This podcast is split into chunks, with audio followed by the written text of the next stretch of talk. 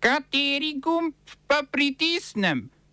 Tisti, na katerem piše OF.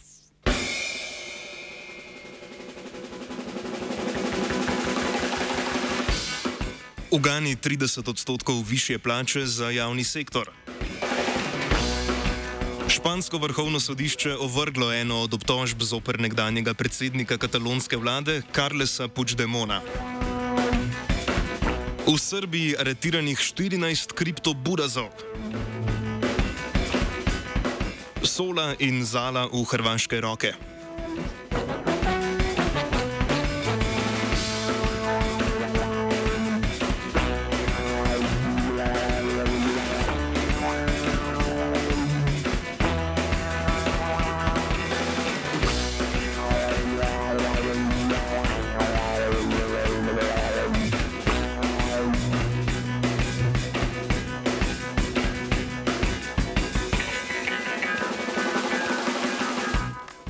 Dan. Turško zunanje ministrstvo je zaradi včerajšnjih protestov proti spremembi švedske ustave v Štokholmu na zagovor pozvalo švedskega veleposlanika. Po poročanju turških medijev so protestirali člani delovske stranke Kurdistana, krajše PKK. Turško oblast pa je zmotila predvsem ljudka turškega predsednika Erdogana, ki so jo protestniki pred Štokholmsko mestno hišo izobesili za noge. Sprememba švedske ustave, proti kateri so protestirali, bi klasificirala PKK kot teroristično organizacijo, kar je bil eden izmed turških pogojev za sprejem Švedske v NATO. Švedska vlada je povdarila, da sporočila kurdskih protestnikov ne podpira, vendar spodbujajo odprt politični diskurs. Švedski premijer Ulf Kristersson meni, da bi incident lahko vplival na njihovo prijavo za članstvo v NATO, saj da je bil to primer sabotaže prijave.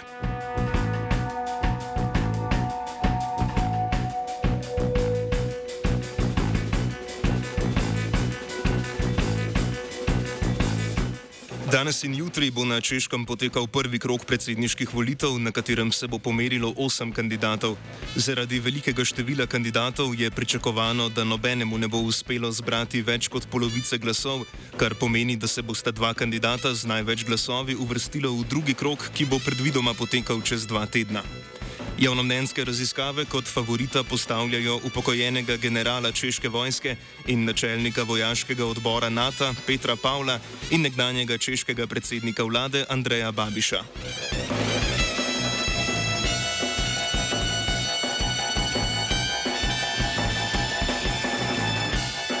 V somalijski prestolnici Mogadiš so potekali protesti proti džihadistični organizaciji Al-Shabaab.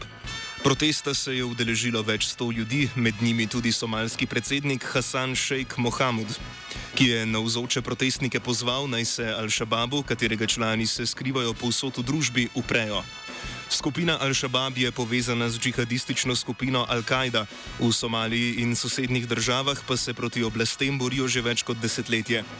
Augusta lani se je somalijska vlada povezala z največjimi plemeni v državi in izvedla ofenzivo, ki je Al-Shabaab pregnala iz mestnih središč, a ostajajo močni v ruralnih predeljih Somalije.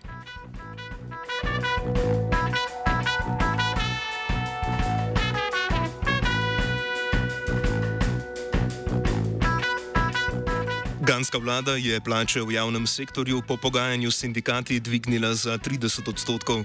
Vzrok za dvig plač je vsa višja inflacija, ki se trenutno giblje okoli 50,3 odstotka. Za spopadanje z visoko inflacijo je ganska vlada marca lani sprejela več vrčevalnih ukrepov, med drugim so tudi znižali ministerske plače, a so štiri mesece kasneje povečali dodatke za javne uslužbence zaradi naraščajočih življenjskih stroškov. Gana se je bila tako prisiljena dodatno zadolžiti pri mednarodnem denarnem skladu, a morajo v zameno za posojilo prestrukturirati svoje dolgove, kar je delegacija ganske vlade ta teden že naslovila na G20.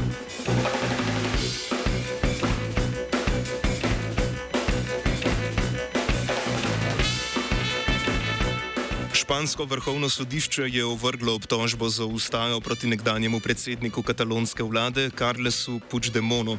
Španska vlada je namreč lani sprejela novelo kazenskega zakonika, po katerem ustaja ni več nezakonita. Zoper Puigdemona še vedno ostajata obtožbi državljanske neposlušnosti in zlorabe javnih sredstev. Leta 2017 je Puigdemont vodil neuspešen referendum za katalonsko neodvisnost, ki so ga španske oblasti označile za nezakonitega, kar je vodilo do španske ustavne krize. Puigdemont je po referendumu odšel iz države, najprej v Nemčijo, nato pa v Belgijo in Italijo, kjer ga vlade kljub zahtevam španske vlade niso izročile. Trenutno v Belgiji opravlja funkcijo europoslanca v Evropskem parlamentu.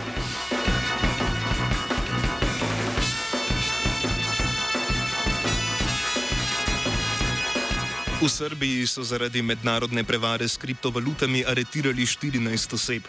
Upleteni so bili v prevaro državljanov Kanade, Nemčije, Švice in Avstralije. Na srpskem ministrstvu za notranje zadeve pa so jim nedavno pripisali še prevare na državljani Cipra, Bolgarije, Estonije in Srbije. Obtoženi so se žrtvam po telefonu predstavili kot posredniki za trgovanje s kriptovalutami, a je bila platforma, ki naj bi jo predstavljali, fiktivna. Po navedbah srpskega ministrstva za notranje zadeve naj bi prevarane oškodovali za več kot 2 milijona evrov. Smo se osamosvojili, nismo se pa osvobodili. Naslednje število je še 500 projektov. Izpiljene modele, kako so se strani nekdanje LDS rotirali. Ko to dvoje zmešamo v pravilno zmes, dobimo zgodbo o uspehu. Takemu političnemu razvoju se reče udar. Jaz to vem, da je nezakonito, ampak kaj nam pa ostane? Brutalni obračun s politično korupcijo. To je Slovenija, tukaj je naša zemlja, to je Slovenija, Slovenija, Slovenija. Včeraj je bilo pred pristojnimi odbori v državnem zboru zaslišanih pet ministerskih kandidatov. Zaslišanja so del novega zakona o vladi, ki je bil podprt na lanskem referendumu, predvideva pa ustanovitev treh novih ministrstv. Zaslišanje so prestali vsi, zdaj pa jih čaka še glasovanje pred celotnim državnim zborom. Državna sekretarka na Ministrstvu za infrastrukturo Alenka Bratušek bo postala ministrica na istem resorju, na tem položaju pa je že bila v vladi Marjana Šarca. Dario Felda kandidira za ministra za vzgojo in izobraževanje, trenutno pa opravlja funkcijo državnega sekretarja na Ministrstvu za izobraževanje, znanost in šport.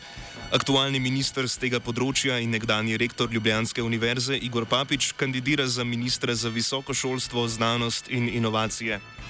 Obe novi ministrstvi sta del delitve trenutnega ministrstva za šolstvo. Aktualni minister za okolje Uroš Brežan kandidira za ministra za naravne vire in prostor, Emilija Stojmenova Duh pa za ministrico za digitalno preobrazbo. Danes sledijo še štiri zaslišanja ministerskih kandidatov in sicer Simona Maljevca, Bojana Kumra, Matjaža Hana in Aleksandra Jevška. Maljevac in Jevšek sta zaslišanje že imeli do povdne in ju prestala.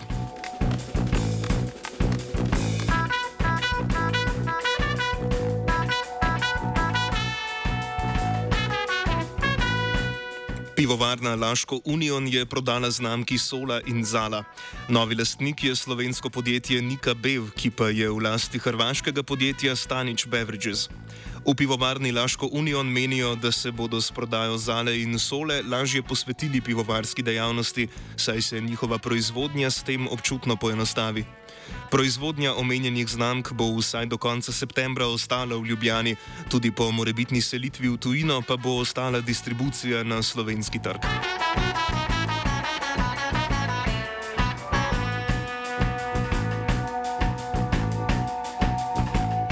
V Zasavju je zaživel center za pravični prehod. Njegov namen je olajšanje prehoda na druge gospodarske panoge v Zasavski regiji, ki je še vedno v veliki meri odvisna od premogovništva. Za cilj so si pri tem zadali leto 2030. Vzpostavitev centra je del cilja Evropske unije, da se v skladu s pariškim podnebnim dogovorom vzpostavi podnebno neutralno gospodarstvo. V sklopu projekta je za Savski regiji namenjenih 74,5 milijona evrov, s katerimi se bo financiralo več zasebnih in javnih projektov.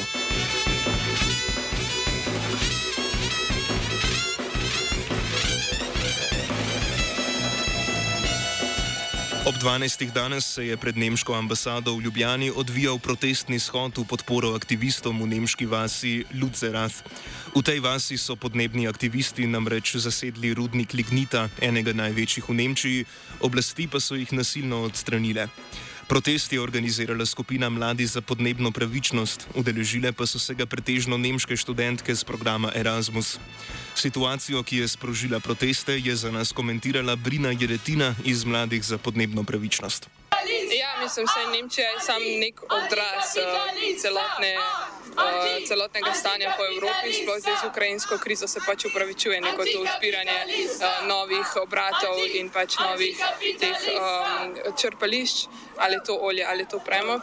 Um, ampak s to podnebno krizo, ki smo jih priča zdaj, pač se to ne bi smelo dogajati tudi v Sloveniji, naprimer, um, še kar pač nimamo neke uh, ambiciozne podnebne politike ali pa energetski, pač, da bi se zrihtali neko um, bolj okoljsko prijazno alternativo uh, fosilnim gorivam. Tudi, naprimer, če imamo poprečno segrevanje ni celo 8 stopinj v Sloveniji, imamo 2,2 stopinje, kar je pač precej alarmantno, ampak uh, politike se na to očitno ne odzivajo. Akademskih 15.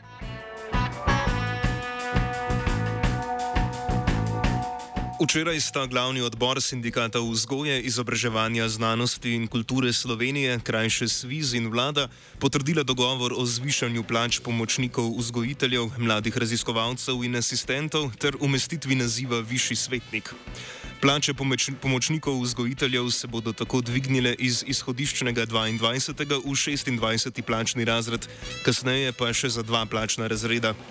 Kot smo že poročali v študentskem obvestilniku, se obeta tudi dvig plače mladih raziskovalcev in asistentov na vsaj 35. plačni razred, oziroma s 1. aprilom letos na 36. plačni razred. Opredeljena pa sta tudi uvrstitev delovnega mesta strokovnih delavcev z nazivom višji svetnik ter delovnega mesta asistent.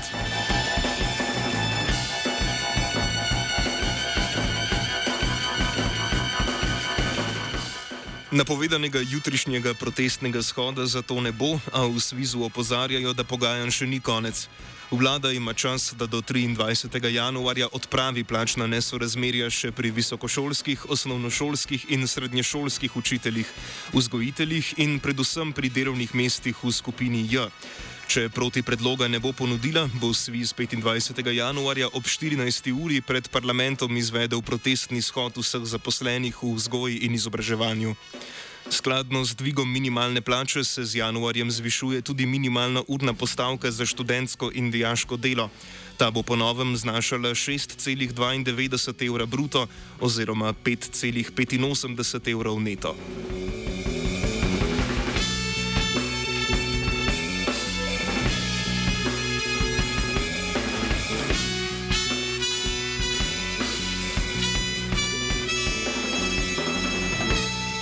OF je pripravil vajenec Luka, pomagal je Jan, akademskih 15 je spisala Eva.